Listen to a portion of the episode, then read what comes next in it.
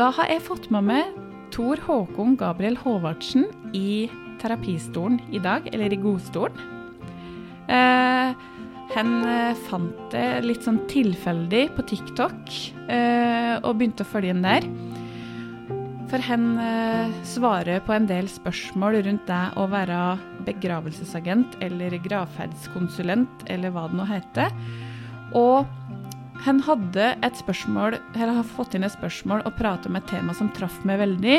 Og det handler om at de ikke har noe særlig oppfølging innenfor psykisk helse i jobben sin. Så da fant jeg ut at nei, nå må jeg sende henne en melding og høre om hun vil være med i en podkastepisode og snakke om dette. Så velkommen til det, Tor Håkon. Tusen takk. Veldig hyggelig å få være med. Ja, Så bra.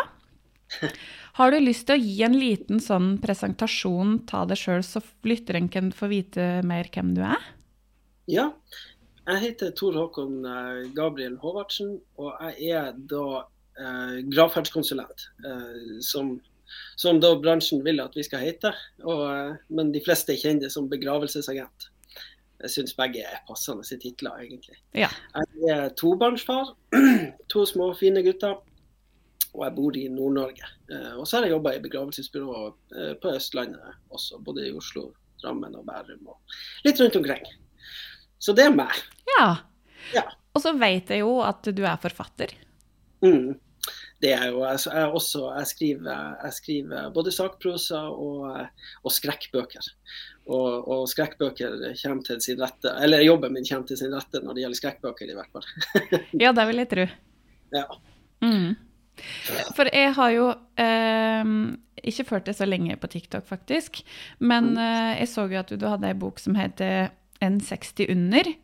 Som ja. handler litt sånn om hvordan det er Altså livet ditt som begravelsesagent, da. Ja, ja. Mm, det er riktig. Så det var, det var en bok jeg skrev for noen år siden. Det var egentlig fordi at eh, det fantes veldig mye sorglitteratur og det fantes mange på en måte diktsamlinger om døden eller om sorg. og på en måte um, Jeg skal ikke si romantisering, men en slags er, er veldig, er litt sånn svevende som sorg. da. Mm. Noe veldig on point, og så hadde noe som var veldig svevende. Så så tenkte jeg at jeg, jeg følte i hvert fall at det mangla ei teknisk bok om eh, døden. I den form at jeg er jo ikke, jeg er ikke en rettsmedisiner. Men vi som jobber i begravelsesbyrå, ser hele spekteret. Mm. Liksom fra dødsfallet skjer eh, og til gravsteinen er satt opp. Så på en måte vi har hele gangen i det. Mm. Og da følte jeg at denne boka kunne være med å på en måte bekrefte eller avkrefte en del myter.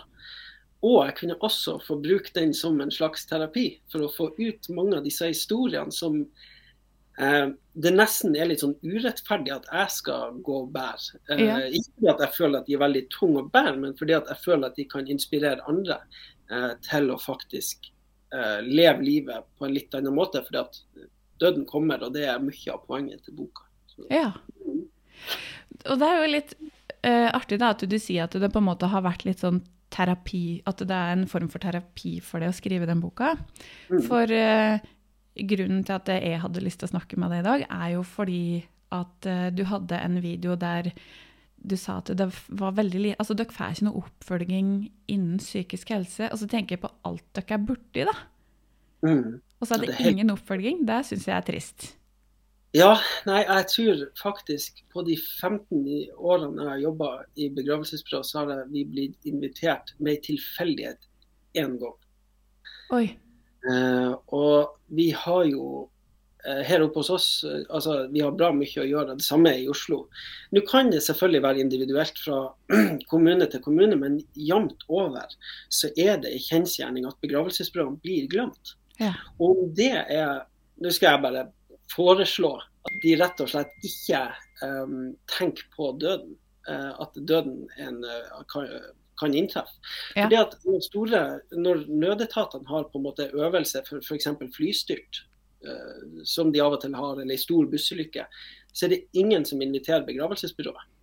Så det er, som, det er et slags håp om at alle skal overleve dette. ja, ikke sant? Men hva gjør de dagen der ligger 20-30 døde mennesker? Da ringer de til oss, og så lurer de på om vi har en plan. Eh, Ja. Det skjedde bl.a. på Utøya, eh, faktisk. Ja. Der dette var aldri øvd på, men begravelsesbyråene tok eh, seg veldig godt av det. Men det kom heller aldri fram i media, egentlig. Så det var logistikken rundt det og verdigheten rundt det føler jeg eh, ble mye glemt akkurat der. Men nå var det jo ikke det som skulle være i fokus når det gjaldt Utøya, men det er bare et eksempel på en stor, Mm. en stor hendelse der begravelsesbyrået var ekst, en ekstremt viktig faktor. Ikke sant? sant? og det viste seg at oi, dette har vi faktisk aldri øvd på. Hva gjør vi hvis det er mange mange døde mennesker? Og så er det som du sier, uh, dette må bli invitert til å på en måte få dette av skuldrene litt og snakke med andre uh, i nødetatene. Brannvesen blir invitert, kanskje ambulanse, politi osv.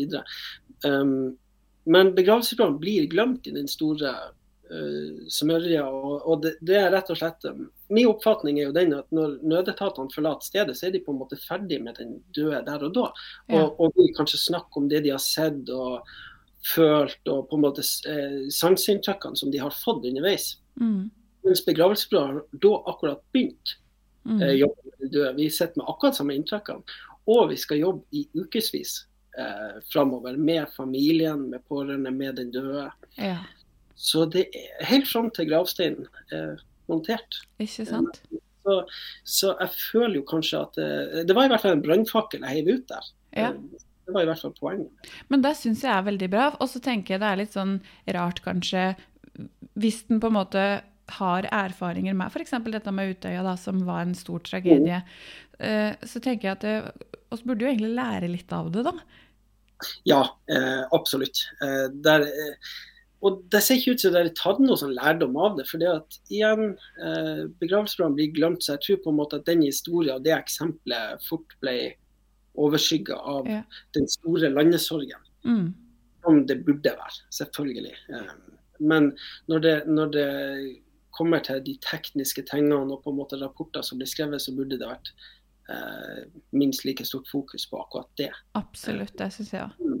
Men når dere ikke har noe oppfølging da, i forhold til alt Jeg vil jo tro at dere opplever utrolig mye fæle ting. Em, hvordan håndterer dere det da? Eh, Ja, eh, det, det er et kjempegodt spørsmål. Så Det er egentlig fra tilfelle til tilfelle. fordi at eh, Alle som jobber i begravelsesbyrå kan reagere forskjellig på forskjellige ting. Uh, så For meg så har det veldig mye med barn å gjøre, uh, når barn dør. Ja. Uh, og spesielt hvis det er ulykke og barn. Da blir jeg veldig, veldig Går veldig inn i meg sjøl.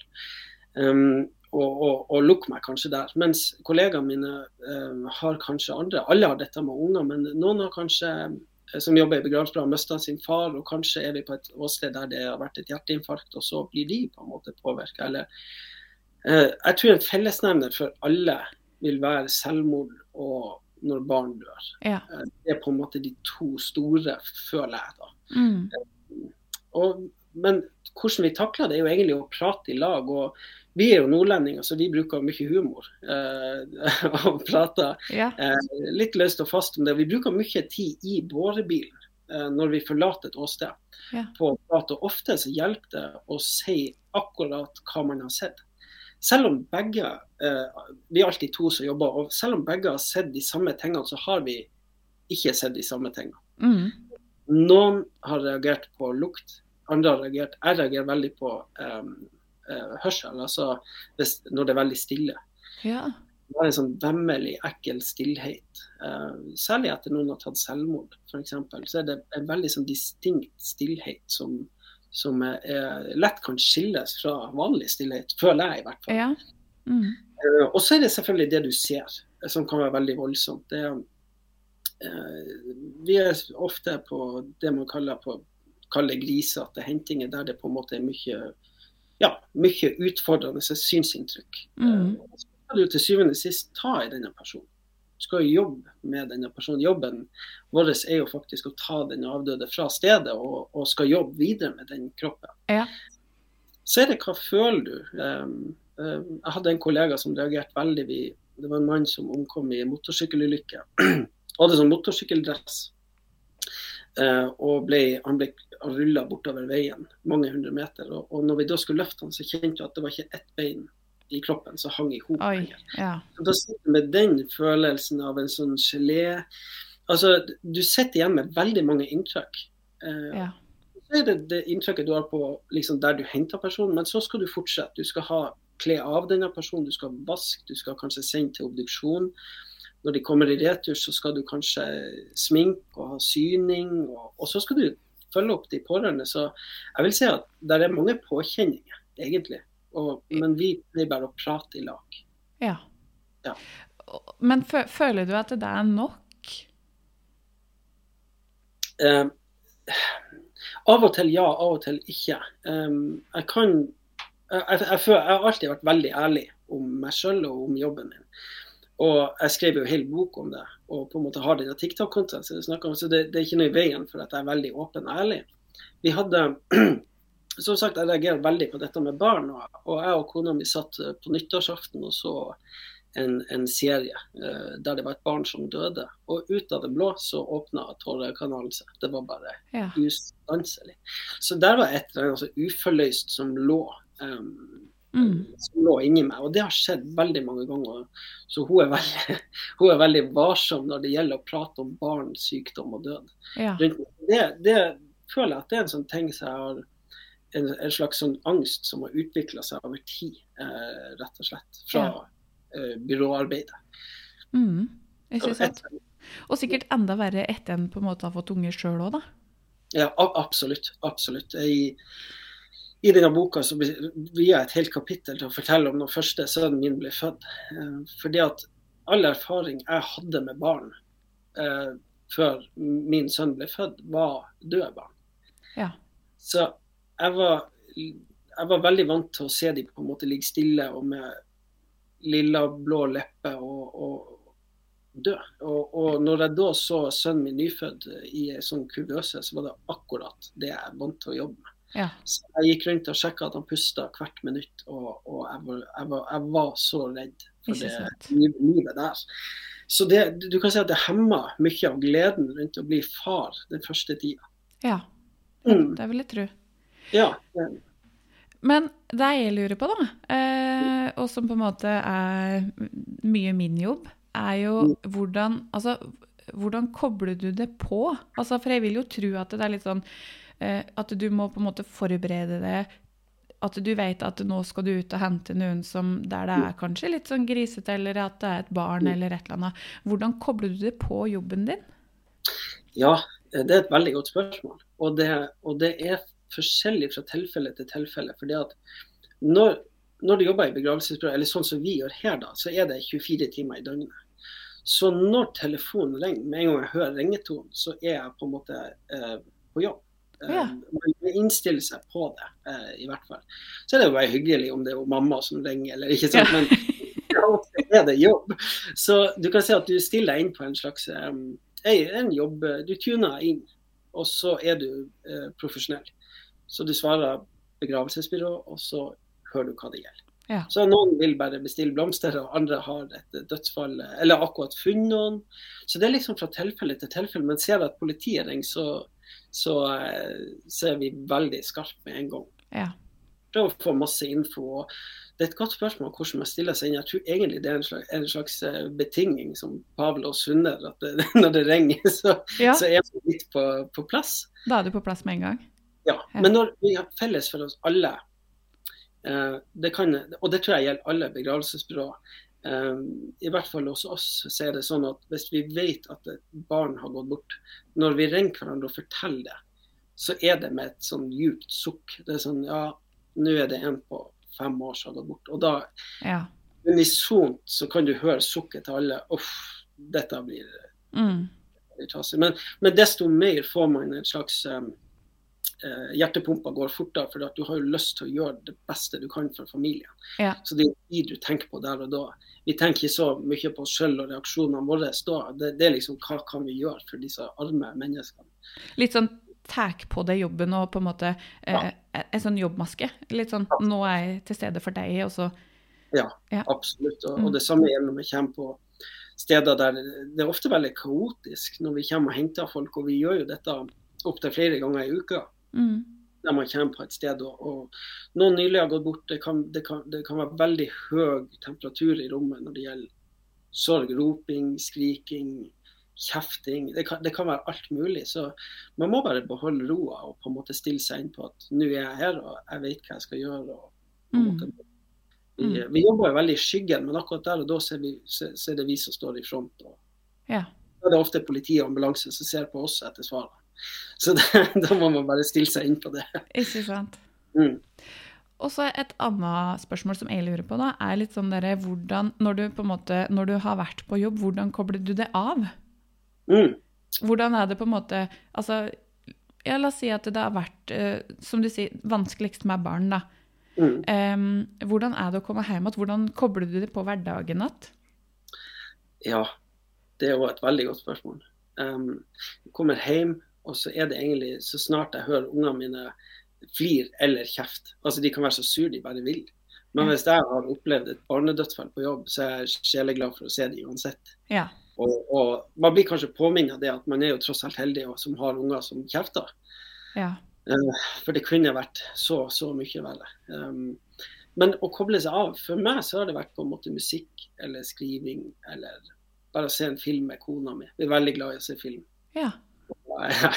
Skrekkfilm, eller? Skrekkfilm ofte. Ja. Jeg håper ikke det, men jeg gjør det. Ja, men så bra. mm, For det er jo noe med det at eh, altså, når en har en sånn vanskelig, eh, utfordrende jobb, da, så er det jo dette med å eh, For min del, som har jobba i psykiatrien i mange år, så handler det om at jeg på en måte tok på meg jobben når jeg kom på jobb. Og når jeg Mm. låste døra bak meg, så setter jeg jobben innenfor døra. Sånn at jeg ikke drar meg med alt mulig hjem igjen. ja, det er akkurat det vi, vi prøver. Men jeg syns det er kjempebra å høre at, at, at du har den innstillinga. Jeg, jeg, jeg prøver å ha den, jeg òg. Men noen ganger så er det sånn at eh, når vi kommer hjem, i og med at vi har 24 timer i døgnet vakt, Ja. 65 dager i året, så er det sånn at når vi er ferdig å møte en familie, f.eks. Eh, la oss si det er noen som har opplevd et selvmord i familien. Så vil de allikevel ringe på ettermiddag kveld eh, med Ja. spørsmål. Så du, du, du kommer deg av og til ikke ut av den jobbbobla. Eh, så du legger deg egentlig eh, litt sånn i jobbmodus, og så Ja. våkner du i jobbmodus. Ja. For da ligger det 20 e-poster og venter. Med, herregud. med, ja. så, så for mange, det er kanskje også et poeng, for mange så virker det veldig forlokkende å jobbe i begravelsesbyrå, men jeg vil, jeg vil anbefale å ikke gjøre det. Ja. Eh, fordi at det, det blir en livsstil som på en måte krever veldig, veldig masse. ja. Mm. Og så et siste spørsmål fra meg, da. Jeg har eh, en del spørsmål fra lyttere òg. Eh, Mm. Men et siste spørsmål fra meg er litt sånn derre Hvordan er det for deg å, å være så tett på døden til enhver tid? Altså, hva gjør du med det? Um, når man er så tett på døden, så tror jeg at det, det er liksom den klisjeen om at man blir eh, påminnet hvor heldig man er som lever. Eh, for man får høre så mange, masse sykdomshistorikk. Eh, og, og hørt om så mange dødsleier og på en måte trasige utganger og lange utganger. Og, og man blir jo på en måte bare mer obs på hvor heldig man er sjøl som er frisk. Eh, hvis man er så heldig og er det, da Mm. Eh, og familien rundt og sånn. Men å være så tett på døden, det gjør jo noe med det. For du tenker jo kanskje annerledes. Man blir kanskje litt mer pessimist i mange tilfeller. Ja. Eh, der, når når eh, faren min f.eks. Dia fikk diagnosen eh, leverkreft, um, og da tenkte jeg ja, da, OK, der for han pappa, på en måte. ja, Det ikke sant? Men han ble frisk, og det var på en måte det, Etter han hadde gått, gjennomgått behandling, og sånn, så måtte jeg påminne meg sjøl at der var jeg kanskje vel pessimistisk. Og jeg tror jeg vet hvorfor. Eh, hvis du skjønner, for Ja. det er veldig mange familier som har, eh, der avdøde har gått bort pga. nøyaktig den sykdommen. Mm. Eh, men også å jobbe med døden kan være veldig spennende, for det at det, du vet aldri hva dagen bringer. Um, Det vil jeg tro. Ja, du kommer på jobb og, og setter deg ned og skal gjøre papirarbeid, men så plutselig er det et eller annet som krever oppmerksomhet til de veldig fort. Og vi er jo også heldige som får se veldig masse som ikke andre får se, på godt og vondt. Ja. Eh, så jeg tror det man tar, seg, eh, tar med seg hjem med det å, fra å jobbe med døden, vil være en slags takknemlighet over livet, eh, hvis man skal oppsummere det. Og så en slags forundring over eh, døden. Ja. For den stopper aldri å overraske. Nei, ikke Og sant? den, den har så mange ansikt og så mange lukter og så mange Det har så mange måter å, å snike seg inn på. Det er helt utrolig. Ja. Ja. Altså, det, det er så fascinerende å sitte og høre på. Jeg har jo litt sånn derre Tror jeg sneven av dødsangst. Jeg er ikke noe glad i å prate om døden, så det er jo helt utrolig at jeg sitter og hører på og prater om det. Men um, for, for jeg har heller på en måte Jeg har jo ikke lest den boka di. Jeg har tenkt at uh, jeg skal høre på den på lydbok. Men så blir jeg litt sånn jeg vet ikke helt om det, om det trigger noe, eller hva, hva som skjer, da. Men Jeg skrev det med en sånn snert av, av humor. Eh, Ja. Litt for å ta eh, brodden av det sure stekket Ja. For det er jo noe med det å, å minne alle på at dette skal alle gjennom. Ja. Alle skal ligge på det metallbordet. For Mm. sånn er det. Det er ingen som er heldig å unnslippe. Så det er jo på en måte å, å, å få i gang en slags kollektiv tankegang. Ikke å minne folk på at de skal dø, for det ville vært veldig dårlig gjort av meg. Men det, det er mer det å få alle til å ikke Altså at den ikke trenger å være så mystisk. Og, Ja. og, og, men det skal få lov å være trist. For alle. Uh, men det er også det med å, å få alle til å forstå at alle, alle skal den veien. Så jeg skjønner dødsangst da, uh, veldig godt. Mm. Men eh, ingen blir å unnslippe. Nei, det er, og, og det, jo, det sier jeg jo til meg sjøl òg. Eh, Mm. og jeg har jo eh, jobba som sykepleier i mange år og Mm. har på en måte både stelt døde og sett døde og vært med på obduksjoner. Og, så jeg har jo på en måte em, erfaring med det. Men det er den der frykten for meg som å Altså, for min del så handler det om hva skjer i etterkant, altså når alt blir svart, eller altså Mm. eh, Den uvitenheten, den derre å ikke ha kontroll, tror jeg det handler om. Ja, jeg tror det er akkurat det. Ja. Eh, verden, skal verden gå videre uten meg? Ja.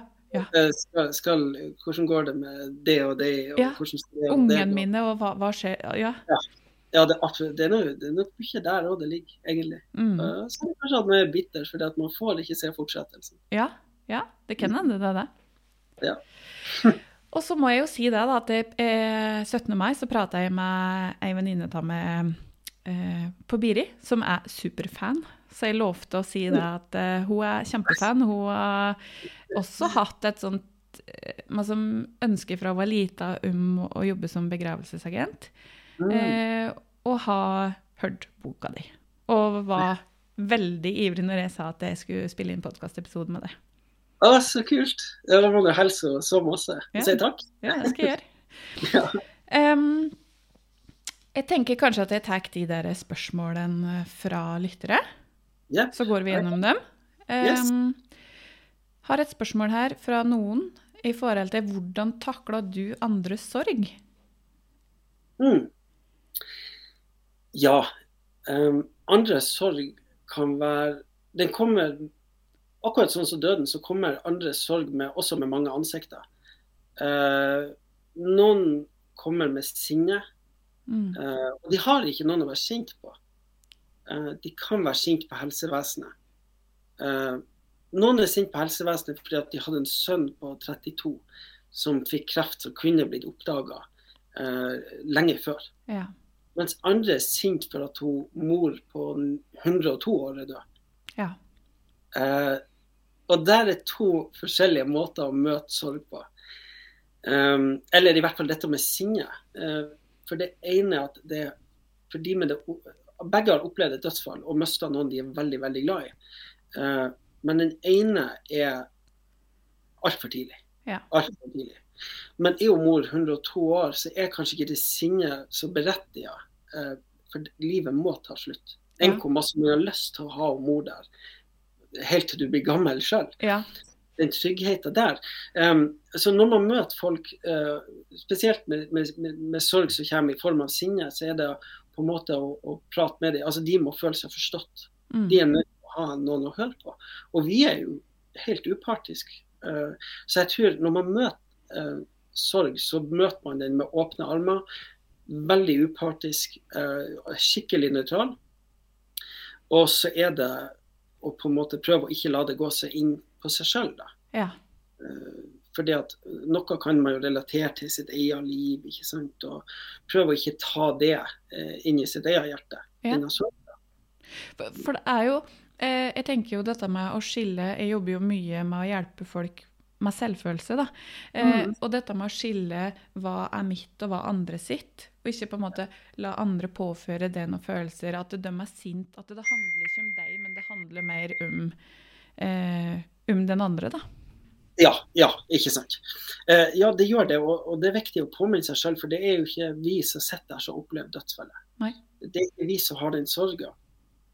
Og det er kanskje desto viktigere at vi minner oss sjøl på det, og ikke forhelliger det for mye. Mm. I forhold til loven også, å si at vi opplever så mye tungt fordi at eh, mange rundt oss sørger. Eh, for det er deres sorg. Ja. Det er de som opplever dette. Men når det er sagt, så er det det å møte folk med sorg gjør jo at man klarer jo ikke å ikke ta inn over seg alt. Nei. Noe blir jo med hjem, Mm. selvfølgelig. Og, men, men ja, å, å møte folk med sorg kan være så mangt, for det har så mange ansikt. Mm. Men jeg tror på en måte hvis du er en kameleon eh, og kan høre på alle, den narkomane som på en måte er eh, har vært skikkelig uheldig i livet, eller Ja. toppadvokaten som på en måte har sin sorg. Så sorg er sorg, men folk har forskjellig utgangspunkt og uttrykksmåter. Ikke det- sant? Man må høre alle. Ja. Mm. Og det leder meg litt sånn over til et annet spørsmål her. Nå tar jeg ikke dem ikke i rekkefølge, her, ser jeg, men det går bra. Um, fordi at det er et spørsmål her. Har du et inntrykk av at det er en rangering ved dødsfall, altså ved, når det er ulike dødsårsaker, f.eks. dette med selvmord, overdoser, som er mer tabudødsfall, eh, mot f.eks. om det er en idrettshelt eller kreft eller ulykke? Har du en opplevelse av at det er en rangering eh, Mm. der? Ja, da, jeg vil på en måte henge meg på det med selvmord med en gang, og så ta den. Fordi at eh, det vil være eh, Dette med selvmord har jo vært tabu Ja. eh, i årevis. Eh, hvor langt tilbake vet jeg ikke. For mange hundre år siden så var døden veldig synlig, og det var på en måte hoder på påla i gaten og offentlige henrettelser. ikke sant? Så, men så er det det med å, å være psykisk sterk og, og på en måte stå igjennom livet. Selvmord har eksistert i herre min, siden tidens Ja. opprinnelse. Ja. Men så er det, det har vært veldig tabubelagt akkurat det. Hvor ærlig vil familien være? Eh, og det har vært en interessant skiftning de siste åra. ja. Um, for det at i dødsannonser i dag så står det veldig oftere 'valgte å forlate oss'. Ja. Eller eh, vers som sier på en måte at um, eh, Hva det er det pleier å stå? Det pleier rett og slett å stå at du fikk nok. Ja. Og, å se på en måte modigheten deres er veldig sånn Det er veldig stort. Mm. Å se foreldre si at dattera mi tok livet sitt, og nå skal jeg fortelle verden det. Ja. Det er ganske stort. Så jeg, jeg tror at hvis jeg skulle rangert det på en måte, så er tabubelagt, så har du den. Ja. Eh, for det at folk sliter ennå med det. Så noen velger å ikke si noe i dødsannonsen f.eks., som er veldig offentlig. Mm. For en dødsannonse er to ting. Det ene er å invitere til å komme og ta farvel i laget. Ja. Og den andre er jo det off offentliggjøringa. Dette Ja. er dødsbudskapet. Hvor mor sovna inn, eller eh, dattera mi fikk nok og valgte å avslutte livet sitt. Ja. Så, og der, du, har fortsatt eh, et tabu der. Og, på en måte, og kanskje er det mange foreldre som føler at de har feila eh, i Mm. eh, oppveksten til barnet. Som oftest er det jo ikke så svart-hvitt som det. Eh, det er jo veldig komplekst. Mm. Eh, og så er det, hvis jeg skal ta det videre, så er det også til presten. Hvor ærlig vil presten være Ja. om dette? Eh, basert på hva familien har fortalt. Mm. Um, det er jo ofte at de går i samråd og blir enige om hvor ærlig man er. Men sånn, du har selvmord på, på topp når det gjelder tabu. Um, over, eh, overdose eh, en annen, som ikke er direkte selvdrap, på en måte, men, men, men det, er en, det er noe sånn eh, Jeg tror folk opplever det litt sånn skam, eh, skambelagt. Ja. Ikke Mm. sant? Um, og, og så har du på en måte Ja, eh, hvis man skal si videre sånn kjendiser. Altså, du, du har dødsulykker og sånn, og de, de fleste er ganske ærlige når det gjelder ulykker. Um, Ja. Egentlig. Det er opplevelsen min, i hvert fall. Men så jeg, jeg tror jeg bare svarer at selvmord absolutt ennå tabubelagt, men Ja. veldig individuelt. For, for det er akkurat som på en måte at eh, å dø av kreft eller i ulykke er på en måte mer akseptabelt enn at noen velger å forlate livet, da. Mm. Ja, for den ene rår du med, og den andre ikke. på en Ja, måte. Eh? Den ene er jo selvvalgt. Ja.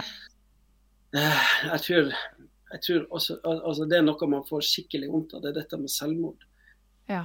Så hvis det er noen som helst som hører på, og på en måte er deprimert eller et eller annet, så er eh, selvmordet er, er av og til veldig sånn dramatisert i film, TV, musikk. Mm.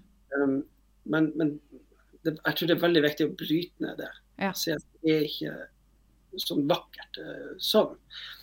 Um, og, og det er liksom der er, der er så mange intervjuer med overlevende fra selvmordsforsøk som sier at i sekundet de gjorde det, så angra de. ja, ikke sant?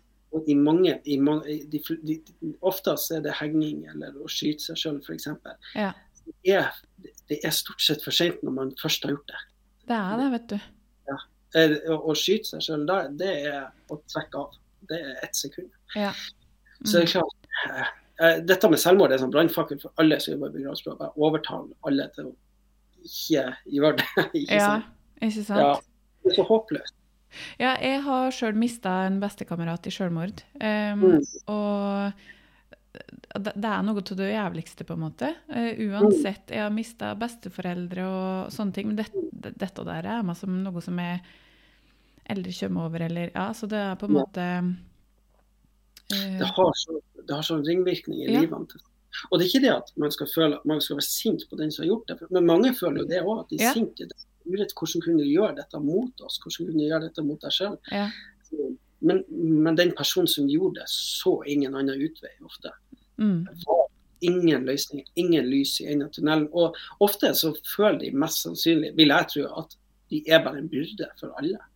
ja, for det er, det er jo der mange eh, beskriver det også. Hvis de på en måte har sjølmordstanker, så er det Mm. den derre eh, at eh, det er mye bedre for andre at jeg forlater fordi at det er bare en byrde, eller eh, Mm. andre har det bedre uten meg, da. Ja, det, uff, og, så, og så skulle man bare sikkert ønske at man kunne overtalt en person. Ja. Og bare visst de Jeg skulle ønske jeg hadde et speil jeg kunne vise deg nå hva du betyr. ikke sant? Ja, Men så enkelt er det ikke. Og så er det eh, Jeg tenker, hvis en på en måte skal ha en liten digresjon på dette med selvmord, eh, selvmordsforebygging, da, så starter det ganske tidlig. ikke sant? mm, ja. Vi må begynne med det veldig, veldig tidlig, Mm. Og det, jo før, jo bedre. Ja. Altså det, det, det, jeg vet at det er mer fokus på det i dag. Så tilbake til det med tabu, så er det for dette med psykisk helse er jo heldigvis kommet litt mer fram, i hvert fall. Ja. Og, eh, Men vi har fortsatt en lang vei å gå, Ja. tenker jeg. herre min. Ja. Der, er mange, der er mange hindre som skal forseres. Ja, ikke sant? Ja. Um, og så lurer jeg noen på her Hva skjer Du har nevnt litt om det, men hva, hva når du møter barn som er døde, som er på dine egne barns alder? Hva skjer med det da? Da blir jeg eh, veldig Det er en fysisk reaksjon som alltid skjer, og det er at jeg blir veldig skjelven i fotene. Ja. ustø. Eh, når jeg er i rommet med avdøde. For, eh, for de som ikke vet det, så er det sånn at hvis, det, hvis, hvis en baby dør, eh, f.eks., så, så, så er vi ofte alene. Og det har en del med respekt å gjøre. For det er bare et lite barn som du på en måte holder, og så legger du over i kista eller gjør, legger ned kosebamse. Det som, det som foreldrene eh, føler er viktig, eh, og, og det de vil. Og du får en Ofte så gråter man. Eh, Det tror jeg de fleste gjør. Mm. Jeg har, til eksempel så har jeg en ganske ung kollega. Han har vokst opp i begravelsesbyrået. Han er sønn til han som driver det. Og han har vært rundt døden mange ganger. Og første gang han var med på et barnedødsfall, så var første gang han gråt. Selv om ikke han Ja. barn sjøl, er det noe veldig sånn, mektig feil med alt. Ja. Eh, For det er så bakvendt, rett og slett. ja, det blir jo det. Ja. Så når jeg møter Når, når jeg er i, i lag med et dødt barn, eh, så blir jeg veldig, så jeg veldig trist. Og man har mest lyst til å bare sitte og holde barnet så lenge som mulig. For, og, for det er så merkelig å se um, disse unge øynene som er lukka, mm. og, og, de små leppene som ikke beveger seg. Det skal være latter, og det skal, de, det skal være liv og glimt i øynene. Ja. Um, men så er det ikke det. Mm. Det, er, det er en død kropp. Så, så det, er en, det, er en, merkelig situasjon. Det er noe veldig sånn hellig over akkurat den stunden. Og man er aldri så stille i bårebilen som når man kjører eh, ei, ei lita kiste. Nei, man blir veldig, veldig, bevisst på oppgaven man har. Ja. Og at foreldrene har gitt deg tilliten til å ta vare på det, det, dette barnet. Ikke sant. Mm. Mm. Ja. Å, herregud. Ja, det er, jeg kan ikke Altså, jeg kunne eldre jobba i eh, begravelsesbyrå, tror jeg. Nei, det er mange ting man kanskje ikke tenker på. Og, og akkurat det er sånn sterk. Så det, tilbake til i begynnelsen av intervjuet, så, eller den samtalen, så var det dette sukket som alle har ja. når det kommer dødsfall. Det, det, slår aldri feil. Ikke sant. Mm. Oh. Eh, nå er det jo litt sånn to lignende spørsmål til det første her. Hvordan møter du best noen som er i sorg, og er sorgen lik for alle? Jeg tenker jo at du har svart en del på det. Mm.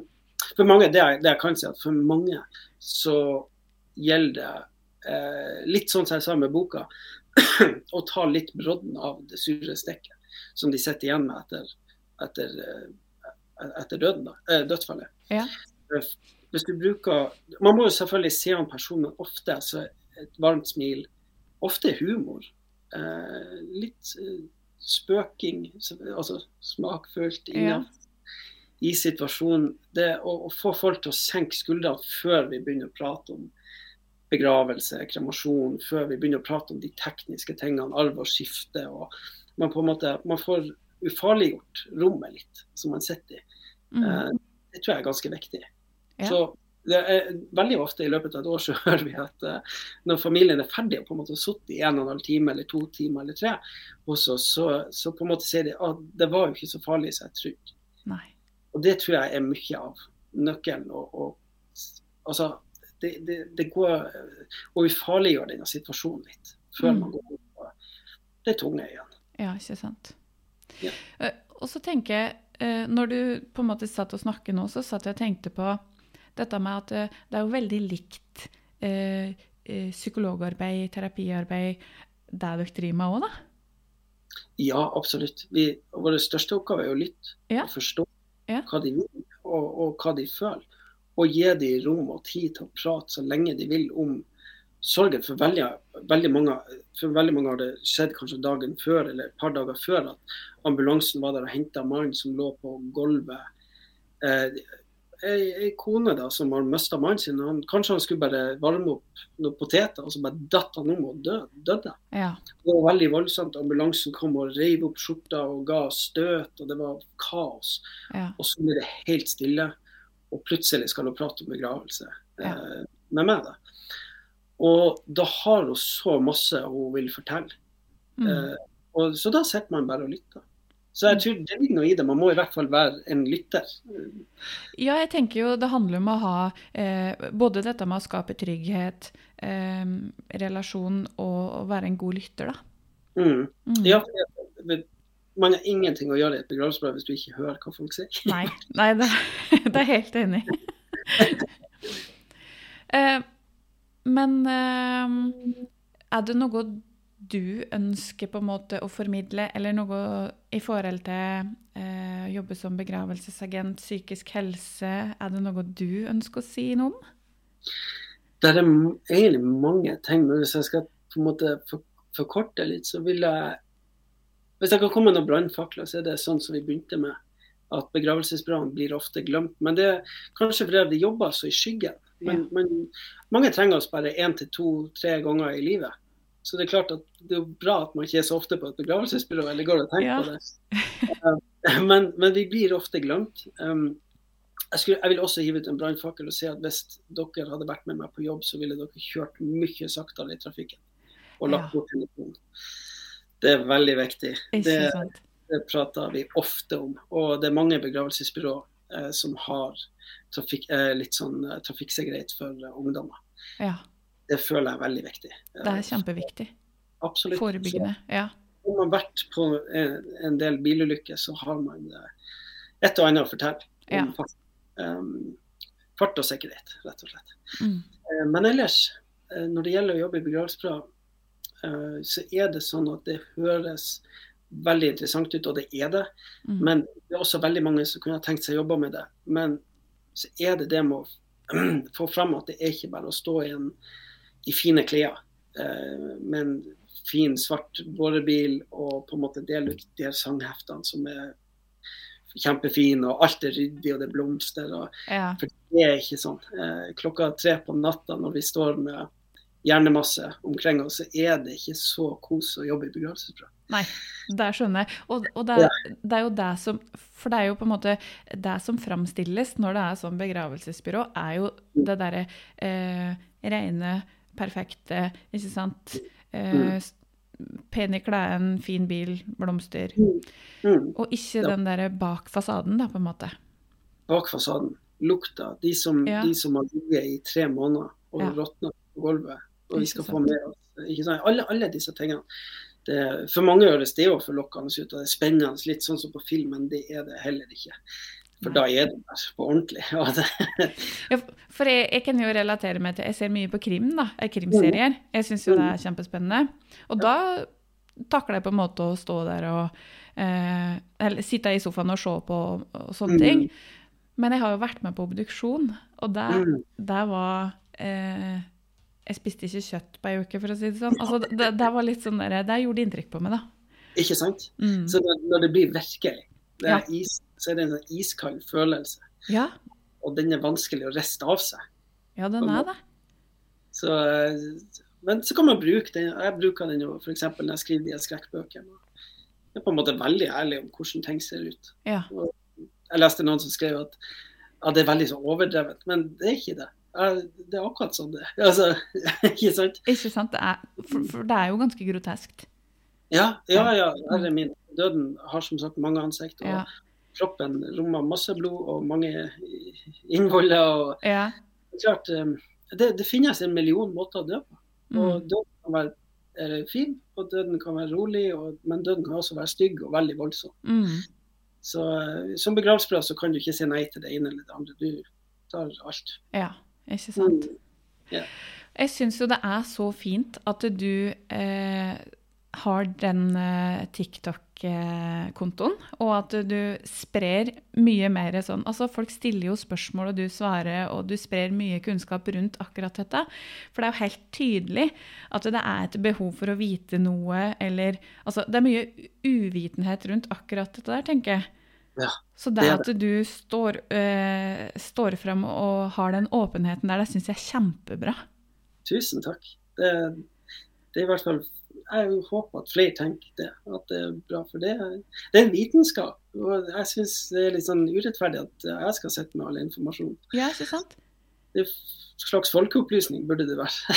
Ja, det, egentlig. Faktisk. Ja, det, det er ingen hemmelighet. Ingen, ingen har enerett på døden. Verken begravelsesbyrå eller rettsmedisinere. Eller, altså, det, det, alle eier døden.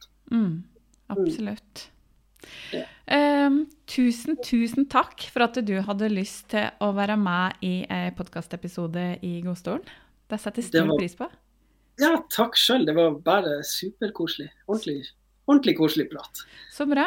Og, så håper jeg at uh, dere i begravelsesbyrået begravelsesbyrå får litt mer oppfølging innenfor, altså, i forhold til psykisk helse, for det er så viktig. Altså, du skal holde ut i en jobb i mange år, og så har du på en måte ingen å sortere tanker Altså, Dere sorterer jo dere imellom, men det handler jo også om å få litt sånn verktøy for å kunne jobbe med ting som er utfordrende. Liksom, du sier litt den der angstfølelsen som bygger seg opp, eller som har satt seg litt fast i forhold til dette med barn og sånn. Ja, absolutt. Eh, Det, det hadde vært deilig å ha det til. Ja. Få noen andre øyne på det enn bare de som jobber med det. Ikke sant? Mm. Jeg tenker at det er, det det er skremmende faktisk at dere ikke har det, så jeg oppfordrer eh, Hvor var det du var fra? Eh, Vesterålen. Eh, Hassel. Vesterålen. Ja, Mm. ikke sant? Oppfordrer dem som hører på, eh, eventuelt fra Vesterålen, om det er en psykolog eller hva det er, hjelp til i forhold til begravelsesbyrå. Tusen takk. Ja. Og så lurer jeg, hvis folk lurer på hvor de finner det, hva heter du på TikTok? Og det er kona mi oppretta det. Det heter uh, Books by TH. Ja. Ja, Ikke sant? Jeg kan ta så linke til, eh, jeg kan ta så linke til det når jeg legger ut episoden. Det var så koselig. Mm. Ja, men tusen takk for det. Tusen takk for at du var med. Ja, veldig koselig. Takk sjøl. Så får du ha en nydelig dag videre. Tusen takk. Ha det. Ha det bra.